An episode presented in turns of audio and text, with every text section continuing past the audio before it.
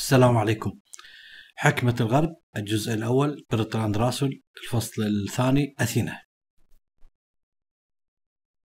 حكمة الغرب ومصادر أخرى طبعا.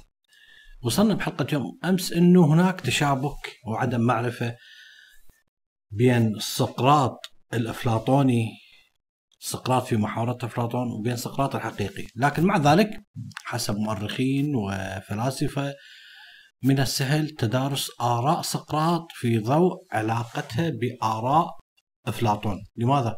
لأن التاريخ التقريبي المحاورات أفلاطون ممكن يعني يسهل لنا الأمر إضافة إلى بعض المعلومات عن حياته يجعل من الممكن تتبع خطوات رحلة أفلاطون الفكرية التي بدأها منذ أن كان بصحبة أستاذ سقراط والتي انتهت بعيدا عنه بالبداية قيد أفلاطون نفسه بإعادة إنتاج محاورات أستاذه سقراط. لكن بعد ذلك أضاف إليها تدريجيا بعض التعليقات الفيثاغورية والصوفية إلى أفكار سقراط. وظل أفلاطون يتأثر بشكل متزايد بالفيثاغوريين الإيطاليين. أخيرا وصل أفلاطون إلى مرحلة استعان فيها بشخصية سقراط عند شرح جميع المواد والموضوعات على الإطلاق. تمحورت المناقشات الجدية بخصوص سقراط الحقيقي فقط حول الطريقة التي يجب بها أن يعيش الإنسان حياته. الطريقة الفاضلة التي يجب أن يعيشها الإنسان وحياة فاضلة. ساد في وقتها العرف بأنه الحياة الفاضلة تتكون من خمس أمور اللي هي الشجاعة والاعتدال والتقوى والحكمة والعدل. هذه الأمور. وكانت مهمة سقراط وقتها سقراط الحقيقي. حث الناس على تهذيب أرواحهم وأنفسهم بمحاولة فهم هذه الصفات الخمسة وكذلك اكتسابها. يجب أن يتصفون هذه الناس بهذه الصفات ويجب أن يعرفوها. لذلك كانت هذه المهمة كفيلة بأن يبقى سقراط مشغول بهم الوحيد هو أن الناس يعيشون حياة فاضلة. لكن أفلاطون كان أشد طموح بالنيابة عن أستاذه فكتب العديد من المحاورات التي ليس لها علاقة بالأخلاق إطلاقا لكنها مع ذلك اتخذت من سقراط الحقيقي اتخذت منه متحدث رئيسي في تلك الأفكار الأفلاطونية. مثلا كتاب أفلاطون الجمهورية على سبيل المثال يبدأ بمناقشة العدل. لكن من مناقشة العدل يبدأ إلى أن ينتهي بكل الآثار التي حازت على اهتمام أفلاطون كلها على لسان سقراط لدرجة إنه إحنا نعرف إنه سقراط الحقيقي ابدا يعني كان يقول إن الشيء الوحيد الذي يعرفه هو إنه لا يعرف شيئا، إنه لا يعلم شيئا. لكن على العكس من أفلاطون ظل مندفع في الغالب وأثنى على آراء وأفكار سقراط بكل ثقة. مثلا على سبيل المثال اعتقد فيلسوف سقراط إنه كما تحدثنا بالحلقة حلقة يوم امس إنه ما يحدث بعد الموت هو أمر مجهول لا أحد يعرفه وهو سؤال مفتوح للبحث. كل إنسان يعطي رأيه به لكن لا توجد ثوابت ولا ضمانات. لكن في محاورة فيدون الأفلاطون التي توهم بنقل كلمات سقراط الأخيرة قبل أن يتناول سم الشكران وهو في السجن أفلاطون سوف يجعل من سقراط يقدم سلسلة من الأدلة على فساد الروح. هذا أمر ليس سقراطي هذا أمر أفلاطوني. لذلك بدأ أن أفلاطون لم يكن لديه كثير من الشكوك بشأن ما يحدث بعد الموت. على العكس من سقراط اعتقد أفلاطون أن الروح منفصلة عن الجسد. الروح ليس لها علاقة بالجسد. أن الروح موجودة قبل الولادة. أن الروح ستبقى بالتأكيد عندما يموت الإنسان ويفنى جسده الروح تبقى. هذا الأمر كله نتيجة لتأثره بفيثاغورس والفيثاغوريين تذكرون بحلقات سابقة قلنا أن الفيثاغوريين هم أصلا أناس صوفيين. لذلك أعتقد أفلاطون إنه بينما ترتبط الروح حاليا ونحن عايشين في هذه الحياة الدنيا، الروح ترتبط بجسد مادي في الحياة، اذا هذه الروح سوف تعيش حياة دونية مدنسة. تحتاج هذه الروح اللي محبوسه داخل الجسد أن تنقى من الجسد وأن تحرر من قيود الجسد طبعا بعد الموت.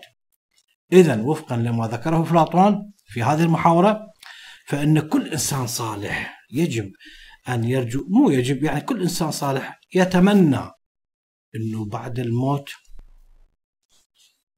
تنعاد مرة ثانية الاتحاد إنه روحه تتحد بذلك العالم الأسمى. هذا العالم اللي يسميه آه، أفلاطون يسميه الأشكال المقدسة في عالم المثل. عالم حياة ما بعد الموت. حسب أفلاطون على الفيلسوف بشكل خاص أن يعتبر حياته في هذه الحياة الدنيا من بدايتها لنهايتها استعداد من أجل العتق أو العتق السعيد عند الموت. يجب أن يعتق تعتق الروح من قفص الجسد وتذهب إلى عالم المثل. لذلك إحنا نحن رأينا في الحلقات السابقة إنه سقراط كان يعيش حياة جدا مثقلة بالفقر حياة بائسة غير تقليدية.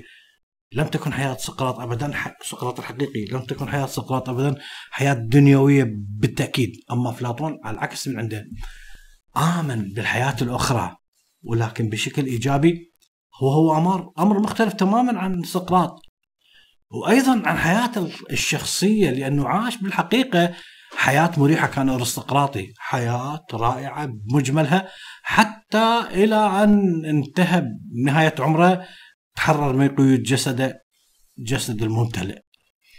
لذلك سعى سقراط إلى الفضائل لماذا؟ لأنه أحس أنه ملزم بتوجيه الناس بذلك بدون تسويف بدون أن تكون عندهم حتى معرفة بهذه الفضائل يعني حسب سقراط الحياة الدنيوية تفرض واجباتها الخاصة هذه الواجبات على كل البشر تمن بنعمها الخاصة على كل البشر وهي ببساطة حياتنا في هذه الحياة الدنيا وبس ليست استعداد لشيء آخر. حياتنا نعيشها هنا ببساطة وبسعادة وكفى. على العكس منها كانت دوافع أفلاطون أقل استقامة. لأن أفلاطون جعل لك هاي الحياة مثل الجسر وضع نصب عينيه أمر آخر شيء أبعد. لذلك كان هناك معتقد مشترك بين هذين الرجلين اللي هو أن السعي إلى الخير يجب على كل البشر أن يسعون إلى الخير. هذا الخير اللي هو عمل عقلي بالضرورة. لكن كل منهم صار في طريق بشكل مختلف عن الآخر. اعتقد سقراط أنه فهم الفضائل شرط واجب للحصول عليها. يجب الإنسان أن يعرف هذه الفضائل حتى يستطيع أن يكون إنسان فاضل. لأن لا يستطيع المرء أن يكون فاضل بحق إلا بمعرفة ما هي الفضائل بالبداية. الوسيلة الوحيدة للحصول على هذه المعرفة هي أن يسأل الناس يدرس حياة الناس يدرس الآراء المتعلقة بالفضائل المختلفة. وبالضبط هذا ما فعل سقراط طيلة حياته. سقراط أينما يجد ناس يسألهم يجادلهم. في أي مكان يجادلهم؟ أما أفلاطون فقد آمن بالبحث الجدلي بالمحاورات. ولكن مع ذلك فسر بأنه شيء روحي. تقريبا يعني. لذلك بينما رأى سقراط أن البحث عن تعريفات الفضائل هي وسيلة إلى غاية معينة اللي هي ممارسة الفضيلة. رأى أفلاطون أن البحث هو غاية في حد ذاته جدل للجدل.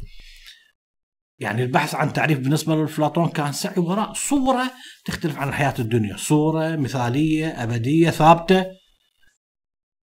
والتأمل هو أنه نتأمل حتى نعيش لحياة أخرى اللي هي المثل وهو هذا الأمر قمة الصلاح بالنسبة له. هذا ما رأى أنه سقراط الحقيقي كل أسئلته كانت أفلاطون رأى أن سقراط الحقيقي كل أسئلته اللي كان يسألهم مجادلته بلغته وهو كان ما ينبغي أن تسعى إليه. لذلك عندما تسأل ما هي الفلسفة؟ ما هي الفلسفة؟ الفلسفة يجيبك أفلاطون يعني الفلسفة بالنسبة لأفلاطون هي عبارة عن سلم. هذا السلم بدرجات تصل يعني تقريبي تصل إلى عالم المثل لكن ليس كل شخص بإمكانه أن يرتقي هذا السلم ويصعد إلى عالم المثل فقط الفيلسوف لأن درجات العالية جدا فقط محفوظة للأشخاص الذين يمتلكون مهارة الجدل الحجاج الجدلي وهم صفة الأناس.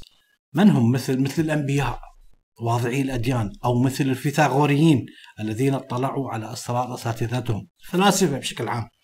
سقراط ما عنده هالشيء لا مثل ولا لا فقط عنده هاي الحياة الدنيا. لا سلم يصعد إلى حياة مثالية وغيرها. سقراط تبنى مذهب يميل إلى المساواة بين المعرفة والفضيلة بمعنى أنه الحياة يعني الذي التي يعيشوها الناس الحياة التي لم تخضع للاختبار كما قال هذا الأمر في المرافعة الشهيرة لا تستحق أن تعاش. يعني بمعنى أنه هذا أمر ليس مقضي يعني قصد من خلاله إدانة الجميع عدا قلة مختارة هي اللي تستحق معرفة الحياة. لا جميع الناس كل فرد عنده قدرة على تمحيص حياته وأفكاره وأن يعيش حياة ذات قيمة ليس فقط الفلاسفة والأنبياء. لذلك كان سقراط يسعد بسؤال أي شخص سواء صانع أحذية أو ملك من الملوك يسعد بمجادلته. كان هو هذا كل ما تعنيه بالنسبة إلى الفلسفة. لذلك لم يجد أي أهمية تذكر لمثل أفلاطون أو حتى المهارات النادرة بالجدال وأن تكون عنده معرفة من أجل اكتشافها. لذلك كان من بين الأشياء التي قادت أفلاطون إلى المثل الغامضة اللي يتحدث عنها هي الرياضيات. وهذا أيضا مظهر آخر من مظاهر تأثر أفلاطون بفيثاغورس والفيثاغوريين. وهذه إحدى نقاط اختلافه عن سقراط. حتى قيل إنه الأكاديمية التي أسسها افلاطون كان مكتوب على بابها لافته تقول لا يقبل الجاهلون بالهندسة هنا ابدا. لذلك حتى أرسطو تلميذ افلاطون شكى من إنه الرياضيات أضحت كل الفلسفة بالنسبة لأتباع افلاطون صحيح هذا كلام بمبالغة لكنه مبالغة هادفة. ما هو الشيء الذي جذب أفلاطون في الرياضيات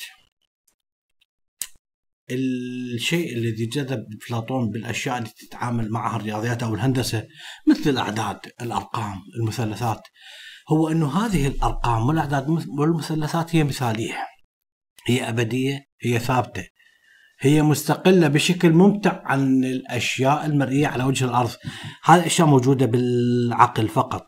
يعني سنجد لها أثر فيما بعد بعد الفلسفة العقلية المثالية وعند الفلسفة التجريبية. الفلسفة العقلية التي تؤمن بالأفكار اللي موجودة في العقل الفلسفة التجريبية التي تؤمن بالواقع. فعلى سبيل المثال لا أحد يستطيع حسب أفلاطون أن يرى الرقم أربعة. لا يمكن أن ترى الرقم أربعة أو حتى تلمسه. هذا موجود فقط في عالم عالم نوع آخر.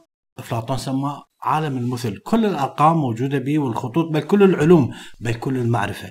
حتى الخطوط والمثلثات والمربعات وغيرها من الأشياء التي ممكن أن يعني تكون هي الأساس للرياضيات لا يمكن أيضا إيجادها هي الأخرى فيما هو مادي ممكن أن نلمسها. هاي أشياء موجودة في عالم آخر اللي هو عالم المثل. لذلك ما تتعدى بعض الخطوط والمثلثات اللي ممكن أن نرسمها الآن ونشاهدها هي فقط عبارة عن تقريب لما موجود للرياضيات الحقيقية في العالم المثالي. حتى الخطوط اللي هنا ممكن نرسم خط مربع أو دائرة أو مثلث. الخط على سبيل المثال ليس المثالي الحقيقي. ليس له لا سمك ولا أي شيء على عكس الخط المرئي اللي ممكن أن نرسمه على ورقة أو إلى حافة أو حافة جسم مادي أو أي شيء آخر. لذلك استنتج افلاطون إنه ببناء هذا العالم المثالي. هناك عالم الرياضيات موجود على حقيقته. هناك أنواع أخرى من المعرفة ليست فقط الرياضيات.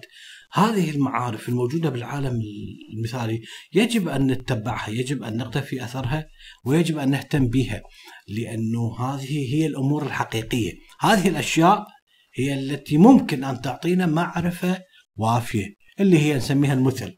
لذلك استخدم أفلاطون في أحد محاوراته. مثال هندسي من أجل أن يبرهن على أن هناك أمور موجودة في عالم المثل وهي موجودة في عقلنا ممكن أن نعرفها. وهي فقط ليست تعني الرياضيات بل جميع العلوم على الإطلاق.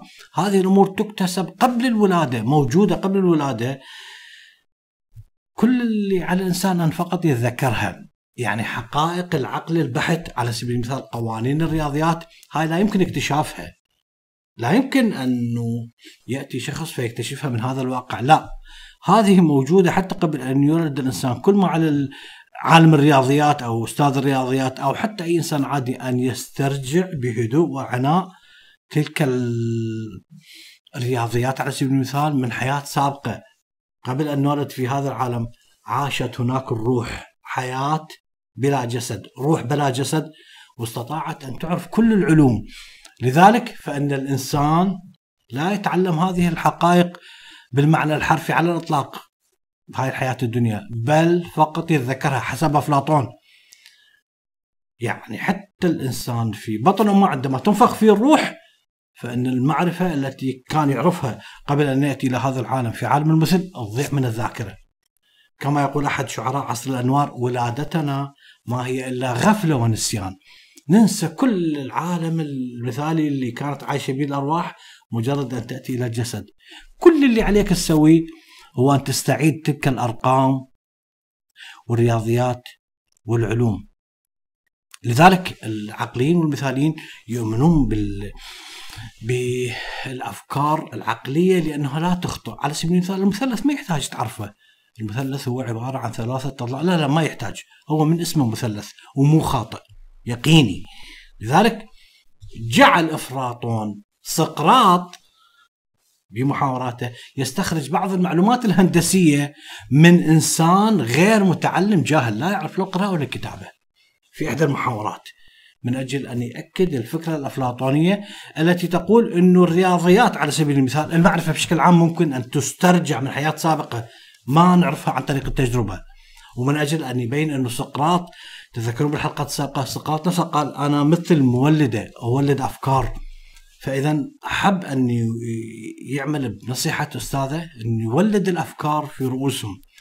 لذلك سقراط الأفلاطوني محاورة أفلاطون سوف يضع مسألة أمام هذا الإنسان الجاهل الذي لا يعرف القراءة والكتابة ولا الرياضيات. المسألة هي يحدد أضلاع مربع معلوم المساحة.